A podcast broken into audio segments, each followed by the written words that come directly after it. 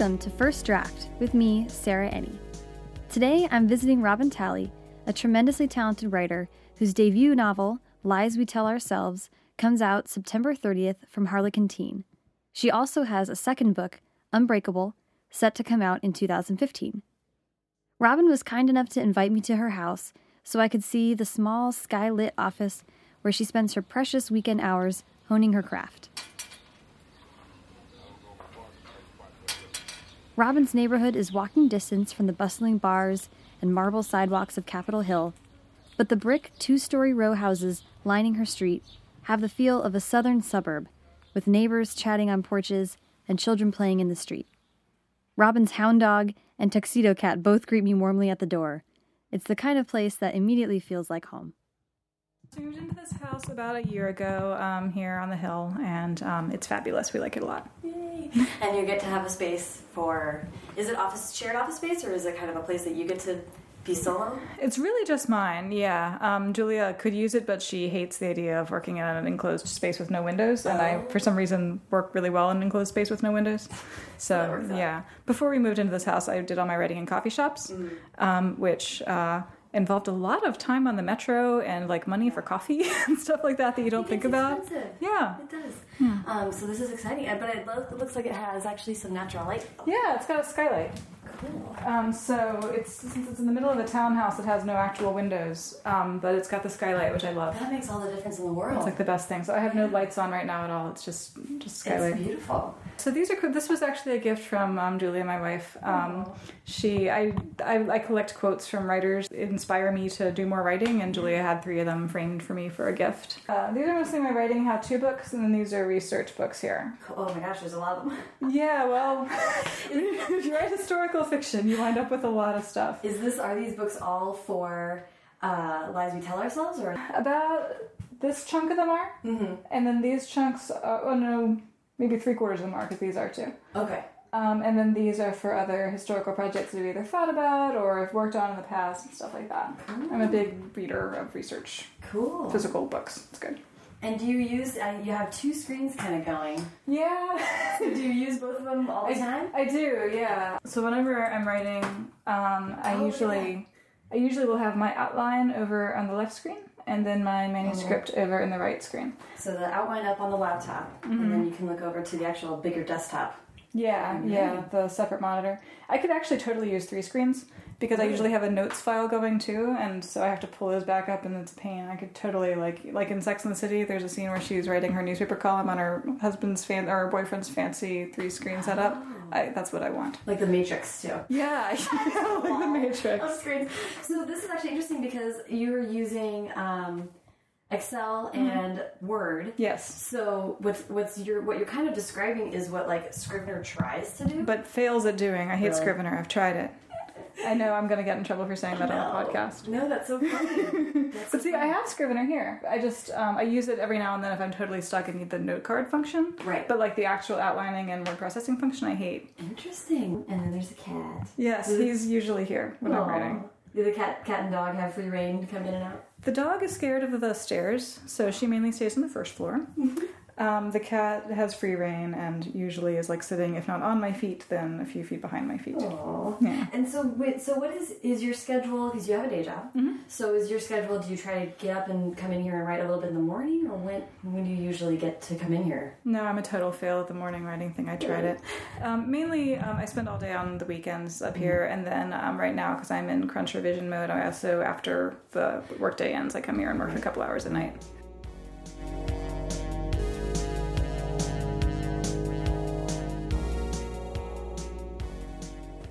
So, so where did you grow? Roanoke, Virginia. You got, came to DC for college, or Yeah, I went to AU. cool, Well, And what? I mean, did you always know that you wanted to go to DC, or did you think about going to other places? No, I had no particular plan in mind. I, when I was in high school, I wanted to be a filmmaker. Cool. Yeah, so I looked at colleges that had programs for that, and AU sort of jumped out. Um, the fact that it was not as far away from my hometown was Yeah. an asset. Yeah. Um, so yeah, I just sort of went up in DC a little bit by coincidence, but now I love it. It's great. That's cool. So, is your degree actually in filmmaking? No, I wound up switching to literature. Cool. Cool. cool. That's probably all this. yeah, filmmaking was hard. Filmmaking sounds intense. That's a whole. I mean, and you clearly were just looking for like storytelling. I think that's what it was. Yeah. Yeah, interesting. So, so then, when did writing become something that you did? Um, a few years after college, it was. It actually started with fan fiction. Really? Yeah. I didn't know that. Okay, Yeah. what fan fiction did you write? Mostly Harry Potter, Okay, but I tried some other fandoms as well. Cool. I was in Buffy. I was in Lord of the Rings. That's so awesome. Were you part, part of a community, or was it mostly for yourself and posting every once in a while? Or Yeah, I had friends, like fandom friends. It was on the days of Live Journal.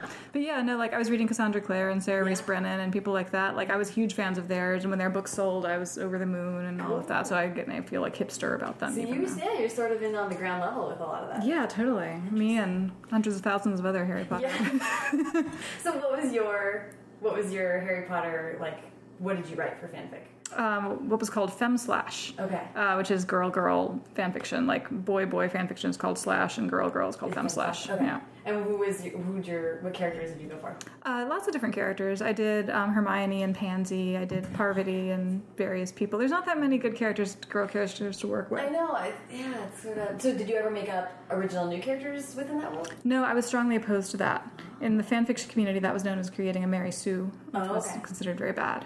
Okay. Yeah. So you never. So then, when you wanted to write something original, you went totally outside. Like, when Yeah. did that start happening? A couple of years after that, uh, it was actually when I read the Devil, the Devil Wears Prada, the book before the movie came out. Yeah. The movie is great, but I don't think the book is very good. But Really? um, I was enraptured by the book nevertheless, and I sort of was, read it and finished it and thought, well, if that, if she can write a book, maybe I should try writing a book. Yeah. And so I started out trying to write adult chick lit. Cool. Uh, this was back before that had died. Of course, chick lit's now back. Right. It's new adult. Of course. So when you when you started writing, was it just for fun? Like, how did you did you set out to write a book thinking maybe you wanted to pursue it more seriously, or what were you thinking? Yeah, but it was a very distant dream. I didn't know anything about publishing or any of that. I just wanted to try it. Yeah. Um, and then I was just looking around online, and somehow I stumbled across an online class um, being offered in writing YA, Cool. Um, really? and which I had never thought about doing, but I figured, well, I'll, I like classes. I'll give this a try. And um, I was assigned. They gave us assigned readings, and I had not read much YA or much recent YA. Yeah. One of the assigned books was Gossip Girl. And Oh, yeah. that's really what drew me into YA.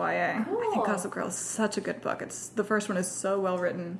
I haven't read it. Uh, have you seen the show? I've seen the show for sure. I never watched the show because it deviates, and I'm opposed to its deviation. The first one is really like the her voice is really strong, and the way she handles point of view. I've tried to copy it, and I've totally failed. It's really hard. What books do you feel like are your like inspirations in YA, and when did how did you kind of stumble upon them? Um, I think one of the the first um, lesbian YA book I read, I know, was Maureen Johnson's The Bermudez Triangle. That was an inspiration for me because that just I did not realize that had been done, um, and so I read that. I read some of the other early gay YA books too, like um, Boy Meets Boy by David Levithan, which is amazing. Have you read that I one? have read that one. Yeah, it's so good.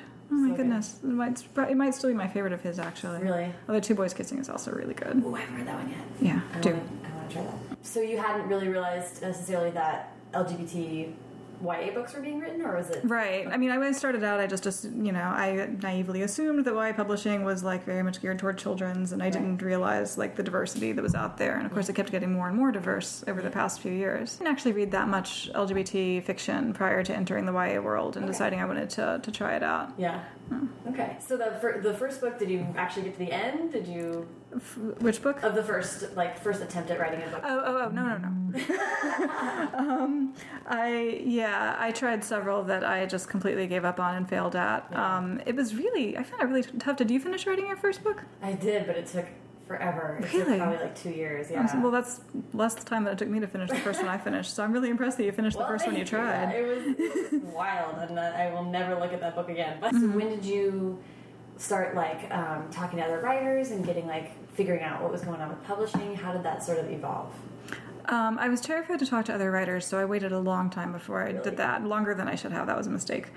Um, I started figuring out publishing um, through. Uh, I read a book by Elizabeth Lyons called, um, I think, The Guide to Writing Fiction or something like that, um, and that sort of introduced me to the publishing process. Yeah. That book was written a few years before the internet came about, so a lot of it was wrong, but it was still like I didn't know that you needed to have an agent. I didn't know anything about querying or how that worked or any of that. So Right, that right, was my like what introduced me to the really basic stuff. stuff. Cool. Okay. Um, and then I mean because you because I've I met you and all the DC people through like Twitter and stuff like that. So Right. when did you start actually engaging with other writers? Not until after I had an agent. Wow. Yeah, because I was I, I was nervous. I didn't know how to introduce myself to people. I thought that they wouldn't know, you know, that I was like serious about this or whatever. Um, so, which was a mistake. Um, writers are the nicest people in the world. Um, I hung out with some of the writers on forums a little bit. Um, Yeah, I was gonna say that's. I th- I find that very interesting because the, coming from the fan fiction community, that is so like interactive, Right. And it's it's it's also a bunch of writers sort of supporting each other. So it's funny that you felt like there was sort of a divide, and like Yeah. maybe people taking it quote unquote seriously would be different. I thought real writers were a completely different species. They seem so important and cool and all of that. Um, but yeah, and I, I was on like Absolute Write. Like I would submit my query letter for critiques and stuff like that. But I didn't form relationships. I was very nervous about like you know actually getting to know anybody. Interesting. So when did the tide actually turn on that? When I signed up with my agent Jim McCarthy, um, I was really excited. Of course, you know as everyone we all are. Yeah, yeah. And um, one of the first things I did was try to go online and see who else he represented who might be local to DC. And um, so I did some Googling and I did some stalking of forums, and I immediately came across Caroline Richmond and Jessica Spotswood.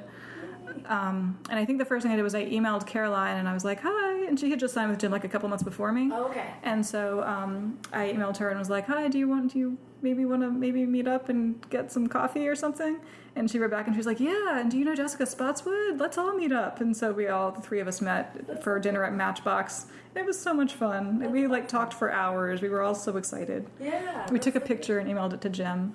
That's awesome. That was awesome. Um, so that was the other thing I was going to talk about because I don't know. I think I also started got serious with writing in DC, and I think we maybe take it for granted a little bit. But the community in DC is crazy. Yeah. it's- there's so many of us. It's like so wonderful. Specifically with YA, and then uh, just writers in general. There's a ton of them. Um, so, what do you think it is about DC that makes it a good town for writers? Um, I don't know. I feel like there's a lot of random things. DC is kind of a transient place. You know, people usually come here from somewhere else, um, and uh, with a variety of different interests. I'm going to be on the podcast. Kidding. Cats allowed. Um, but yeah, and I, I think it's partly that. I think it's that there's a lot of people who come here who are really smart Yeah. Uh, because they either come here to work for the government or something related to the government, or they come with a spouse who's working for the you know something to do with politics. Yeah. And I think people who you know just took school seriously, which tends to overlap with people who like to read and write. The Venn diagram is pretty. it's pretty tight on that one, I think. Mm-hmm. So you met Caroline and Jessica, and mm-hmm. then how did that knowing that that community was here, like, change? Did that change your approach to writing, or did it change how you wrote, or did it change what you thought about writing as like maybe something that was more beyond just a fun thing to do in the afternoon? Oh yeah, definitely. Like hugely changed, and that's why like if I was going to give advice to you know up and coming writers, that'd be one of the first things would be try to find a community because you get to go through it together, Yeah. and you get to see other people do it first. Yeah.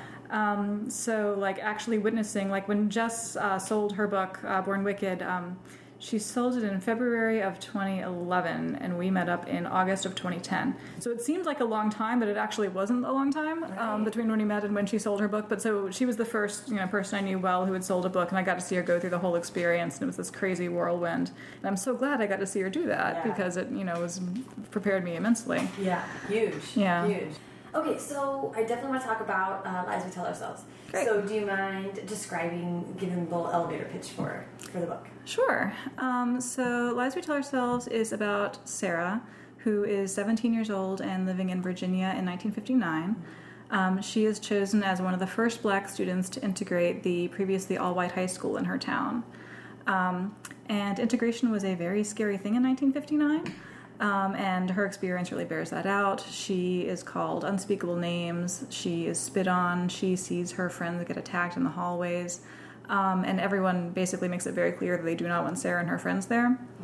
And one of the worst people she encounters is a white girl named Linda. Um, Linda is a senior like Sarah, but she's been raised by her father to believe that segregation is right and true and that it's what God wants and that black people are inferior to white people. Um, and so they're assigned to work on a school project together, and at first they hate each other. Uh, but slowly, uh, Sarah causes Linda to start questioning a lot of what she's been taught about segregation. And even more slowly, Sarah and Linda start to realize they're actually attracted to each other.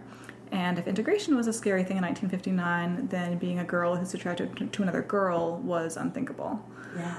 Um, so yeah, lots going on in this book. yeah, that's. I mean, that's. Was there any real world example that this was based on, or was this? Um, yes, but not specifically. Um, I did a huge amount of research, um, and I read a lot about the history of school desegregation um, over across the South, but especially in Virginia. Um, and although the town that Lies we, is set in is fictional, and I made up all the characters and everything is completely um, my invention, um, I did learn read a lot about the history of school segregation in Norfolk, Virginia.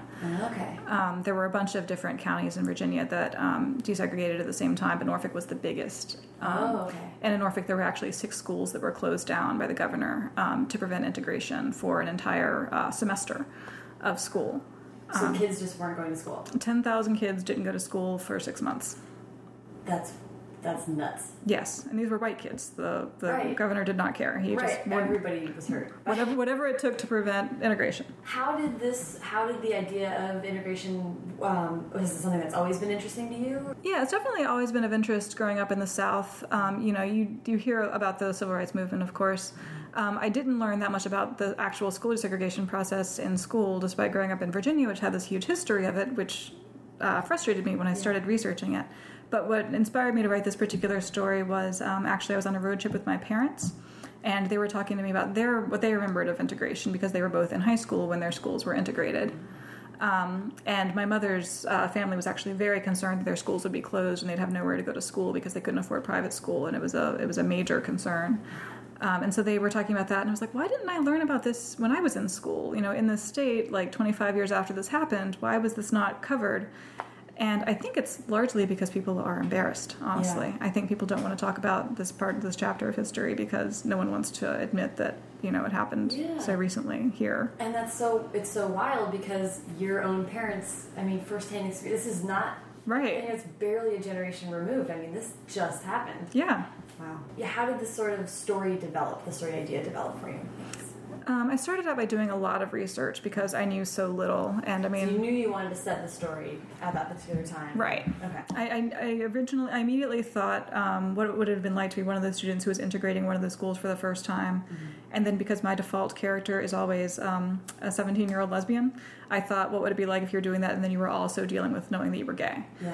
Um, Yeah. So I had that extremely basic framework, um, and then with that, I, I dug into doing a huge amount of research, and I did three months of research before I actually formulated the characters and the plot and all of that. Wow. Wow. Okay.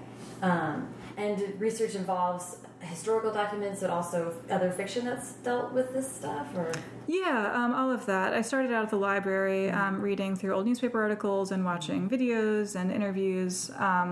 And then I read a lot of memoirs of um, students who lived through desegregation. Um, uh, there's there's one memoir set in Virginia that I read, or two memoirs in Virginia, and then the others are mostly from Little Rock, Arkansas. Yeah. So I read a lot about that as well. Right, right, wow.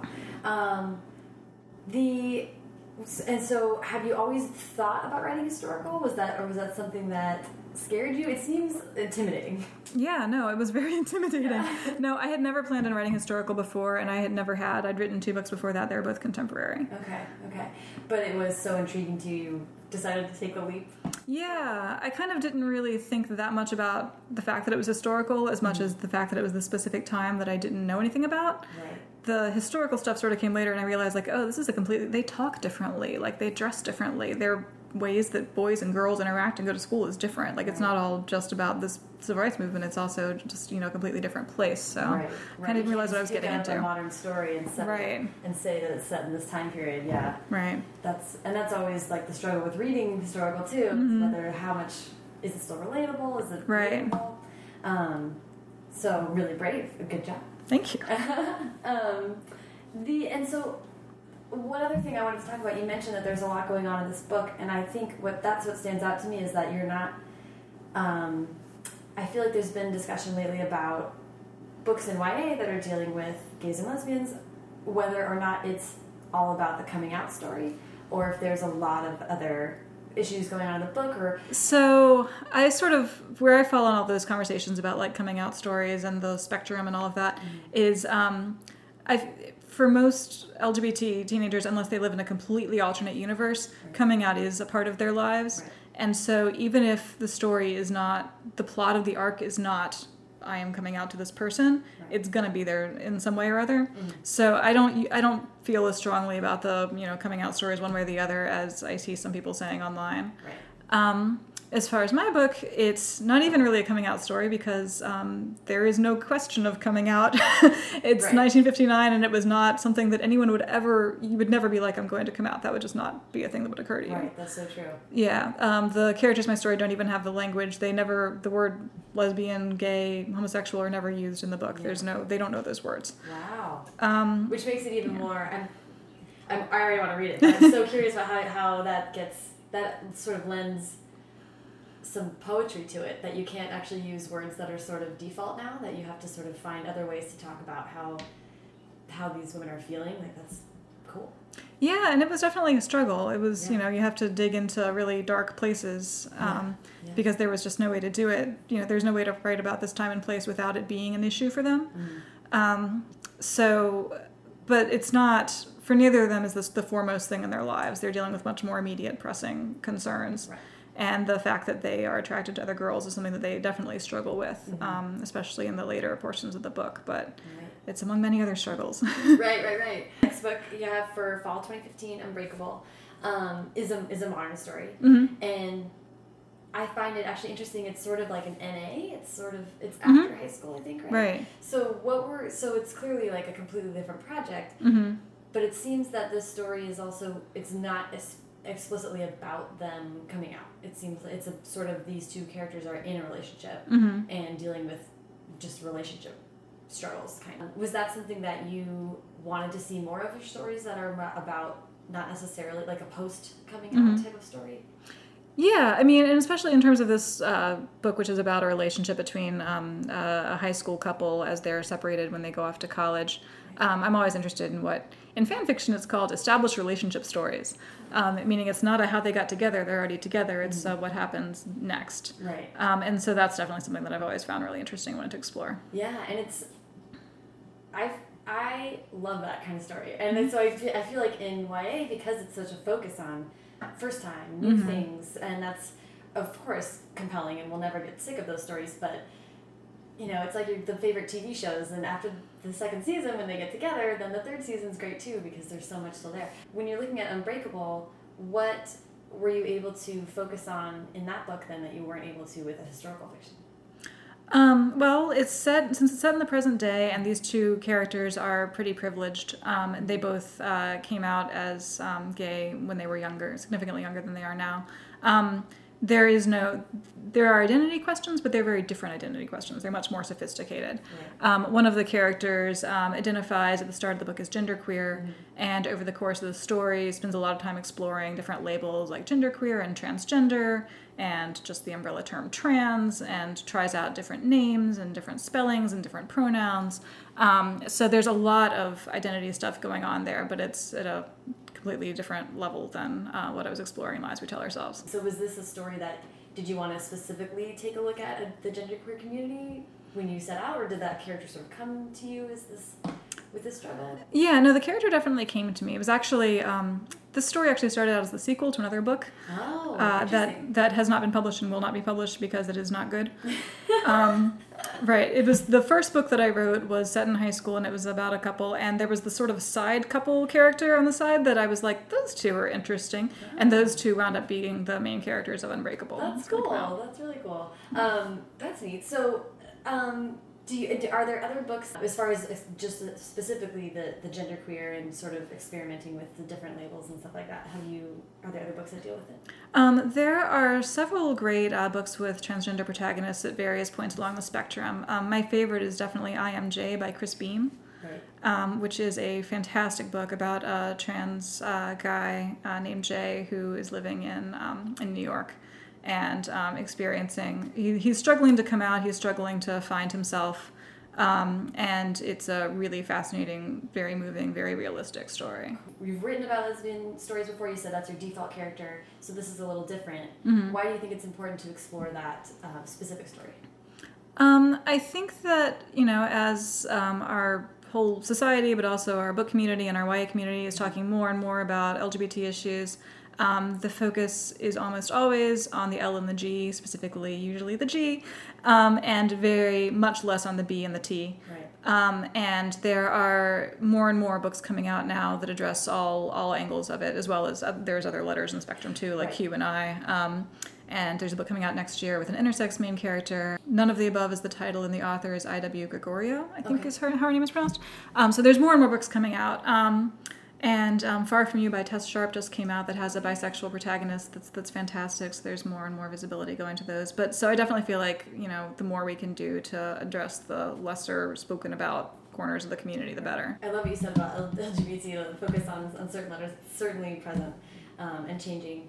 The and, and that's wrapped up in the sort of more diverse, like uh, more diverse YA kind of push that's been happening, especially of late, re- really recent. How have you responded to that movement? Oh, it's incredible to see all of this conversation happening.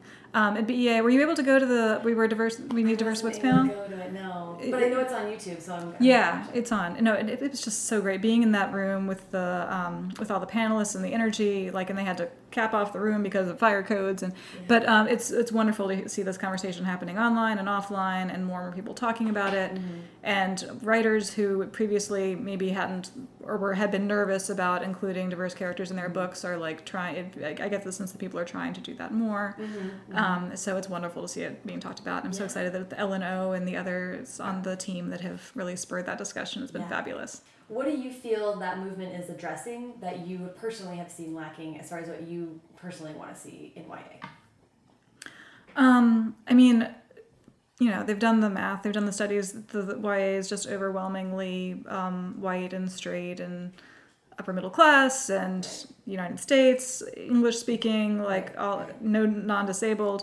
Um, so um, the more that we're talking about it, the more visibility there is. And I've also seen a lot more attention being paid online to the books that are already out there Right. and that are coming out that feature diverse characters. Right, right, Um, and so the more we can do this, the better. right. Sort of. I think that's what's been the part that's most heartening is the focus on uh, actual minority voices, as Mhm. opposed to it is of course like hugely important to talk about, um, you know, of every kind of writer trying to include more diversity in their books, but talking about, you know, getting out of the way and allowing those those voices to be heard on their own terms. Yeah, Um, completely. what would progress look like to you as far as um, more diverse YA?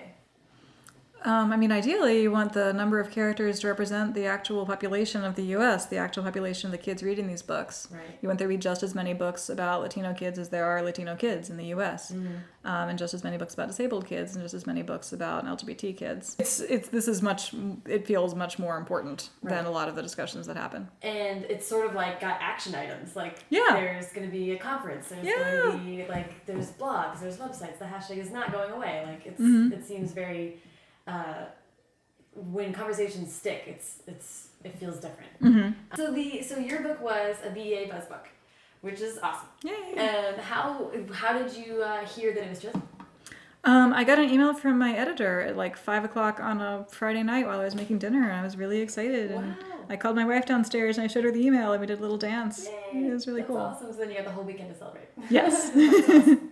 um, how was that experience? What was, um, I guess, sort of just from like a nuts and bolts perspective, like when your book is a BEA buzz book, what does that mean? Um, it means basically that at BEA there are two different panels. There's a um, editors panel where all of the editors talk about the books, and it's which is a very surreal experience. It's like they all just sit there and talk for eight minutes, pitching your book to this huge room full of like extremely important people in publishing. Right. Um, and your book is shown on a giant screen, and um, For eight minutes. yeah, it was really fun and surreal. And then the next day, I was on a panel with the other authors, um, which was shorter, but so we sort of pitched our books and talked about the inspiration for them a little bit. so what, what, um, I mean, what does it mean to you to have your book selected? I mean, there's thousands of books published every season, and your book gets selected and, and highlighted in that way. How did that feel to feel like that was to be pinpointed like that? It felt kind of unreal. I never ever, you know, you dream about things happening with your book. This was definitely not something I ever dreamed about. I knew they only picked five, Right. um, and I knew what they had been in the past. So um, it was just incredible, and I'm so hugely grateful to the I don't even know who chooses them, the BEA people. I know, Um, right? It's a mystery. Yeah. but I'm also really grateful to Harlequin for I, I, they had to submit me for it, Right. and my editor T.S. Ferguson, who was the one who had to go up there and talk for eight minutes, um, which he was very nervous about doing, but he was amazing and brilliant, and I don't know why he was ever nervous. But um, they, you know, I felt extremely supported by my publisher, um, which is wonderful, and I know not everyone feels that way about their publishers. So, um, but I feel like they were completely behind me. They were, I was with them all throughout the time at BEA. They came to the Teen Author Carnival. They came to all the events. They um, were really supportive and helpful, and made me feel much less nervous about things than I would have felt. Yeah. So. Then I kind of want to shift a little bit to talking about like real life and interaction with that because you are an author who has a day job. Yes. So do you, to what, whatever extent you're comfortable, what do you do for your day job? Um, I work for a nonprofit organization that focuses on women's rights, and I do online communications for them. Cool, cool, cool. So like me, you go to work to be online all day, Yes. and then you go on writing Twitter all night. Yeah, it's really kind of exhausting. I feel that. Um, how does your so your day job then involves a ton of the issues that you explore in your writing? I would imagine. Mm-hmm. How do how does your day job? I mean, how would you describe how that plays into what you write? It definitely does because I've spent my whole career at a bunch of different nonprofits that were all working on different social justice issues. Like I worked on gay rights for a while. I was at a think tank that did a variety of different progressive issues. I was at an education organization for a while. So um, it definitely has kept social justice at the forefront of my mind. And uh, you know, although I was inspired to write Lies We Tell Ourselves by my parents, the fact that I work on issues that relate to this all the time definitely contributed to my wanting to do that as well. So. Right. Do you think that that?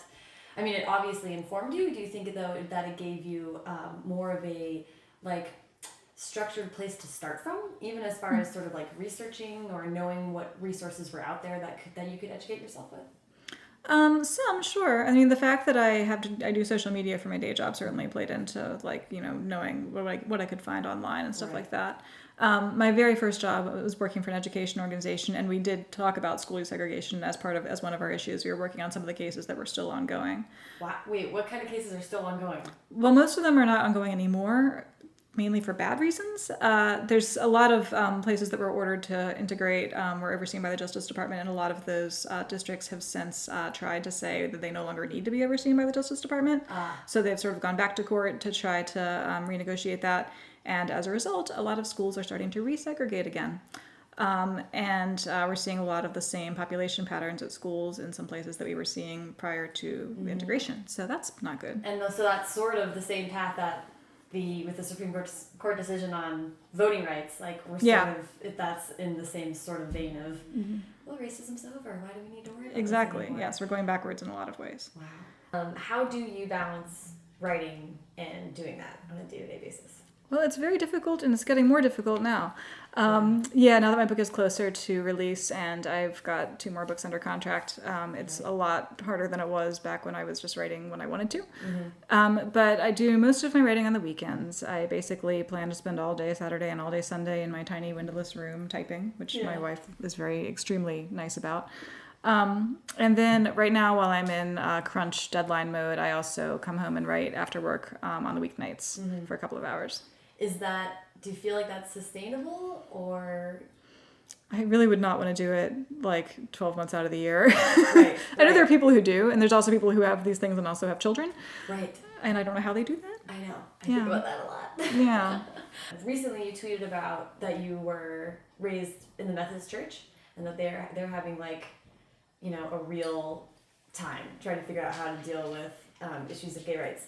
There's been a huge amount of progress in just in the past 10 years um, on, on this issue, and a lot of denominations have changed their rules, and a lot of individual churches have identified themselves as welcoming, which is fantastic to see. But yeah, the Methodist Church that I was raised in has still not resolved this and is having more and more issues. There's talk of a schism within the Methodist Church, which is like Methodists are very friendly. Like, Right. there's there are no fights, there are no schisms. It's a very new idea. Um, so I'm hoping that that doesn't happen, but um, I wish that they had changed the rules as they were trying to do a few years ago to be more welcoming of LGBT people. I'm curious about what you know when you uh, your coming out story, your personal coming out story. Do you feel comfortable talking about that? Sure.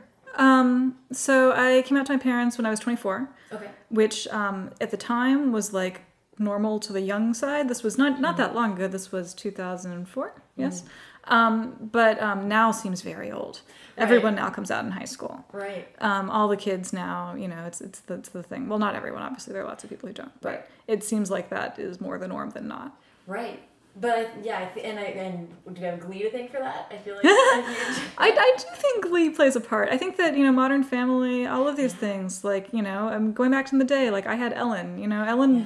was a little bit crazy, but you know, it's all we had. And then, Yeah. then there was Will and Grace. yeah. Um, and yeah, I think all this plays a huge part. I remember Will and Grace was so huge for me in high school, and that just like was this weird firestorm. Mm-hmm. Like, it's funny to look back now and even imagine a, a comedy series like a, a, that an entire lineup of all three major networks that there would be no comedy series with a gay character. Like that just Mm-hmm. doesn't happen now. And when Will and Grace came on, they there was no, they told us they were gay, but you know, we didn't see any. The first time two men kissed on Will and Grace, I think was like season eight, and it was not a romantic kiss. So, um, so did you? So you came out when you were twenty four. Did you always know? Did you feel like was that a long process, or was it? Yeah, it was a long process. I'm not. There's some people, especially guys, who will say they knew when they were six or whatever, um, and certainly some women too. Yeah, no, I was I was unsure for a long time, and so I, part of why I waited to tell my parents as long as I did was that I wanted to make sure I was completely sure. Wait, um, what was I reading? Um, oh, you know what it was? It was Aaron Hartzler's memoir, Rapture Practice. Oh yeah, which I just read too. absolutely gorgeous book. Yes, Um, oh my goodness. Such a, an amazing story, and I absolutely loved how he handled that. You know, he was dating a girl all through high school. He absolutely had feelings for her, and and was sexually active. I think in the story he Mm-hmm. says he was, and um, just how every gray issue was handled in the book was so beautifully done. His Mm-hmm. loves his love his family, his ongoing relationship with his family, and I felt like that was one of the first times I personally had read a story where it was like there wasn't an answer. By the end of the book, it was his struggle throughout the entire book of who am I? What is what do I mean? Mm-hmm. What, what what do these important tenets mean to me? How am I struggling with this? And uh, anyway, I'm, I'm glad you read that too. It was super interesting. Yeah, no. Did you read the new version that has the afterword at the end? No. Oh, it's it's very very worth checking out. So they, when they when they published the paperback, Yeah. um, there's a new cover and a new afterbird where he talks about the questions that he gets. Oh, um, yeah. And he's like, he says one of the questions he gets asked is why is there not more gay content in this book? And he's of course he's asked like, did his parents read it and all of that. Right. But his answer to the like, why is there not more gay content is like, well, I wish there had been more gay content in my life, but there wasn't. Like, he was still figu- he was still very much in the early stages of figuring all that out at the time the book ends, at which point he's 18 years old. So. Right. What if and that's that's such a great answer because what a funny question to be asked. Yeah. To asked, well, I, I wasn't. It's like it's a, it's a memoir, you know. couldn't couldn't sex it up. Couldn't go there. Oh my gosh, he was actually on Sarah Zarr has her podcast, mm-hmm. and Oh, she did she do one with him? Oh my goodness, I have to check that out. it's so good. He's such a he's so eloquent and just like Oh. I don't know, super cool. Well, he's got another. He's got a YA coming out, um, a novel. Yeah.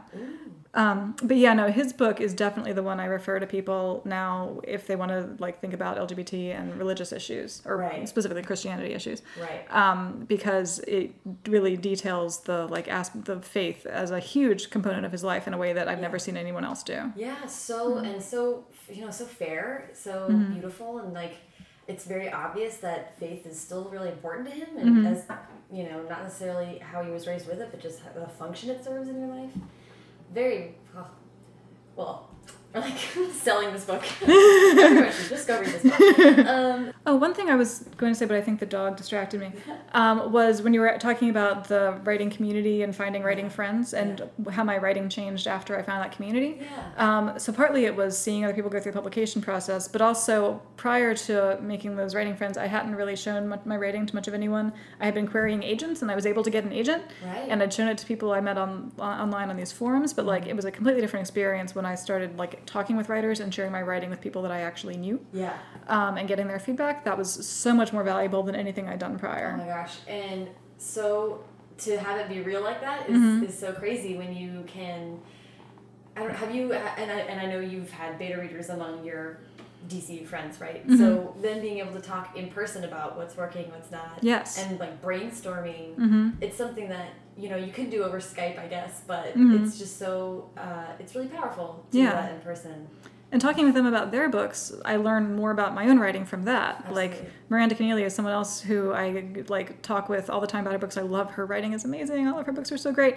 And um, talking about plots with her, I've learned so much about like how to do plots in a much stronger way than I knew before. She, her books, yeah, they they hit the points. They, Mm-hmm. they, they, she's really well. Jessica do Jessica Spotswood's books do too. They are Mm-hmm. really they're. I was saying this about Born Wicked Wicked. Um, recently, that it, I feels like a lesson in, in structure and plot. w Reading Mm-hmm. Yeah. those books and like the art, the whole trilogy, reading them, the arcs of each individual book, has been so cool. Um, right?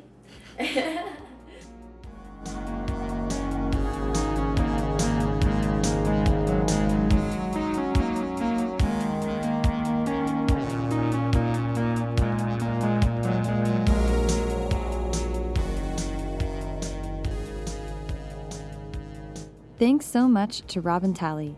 You can follow Robin on Twitter at Robin underscore Talley, and you can follow First Draft at First Draft Pod and me at Sarah Enni.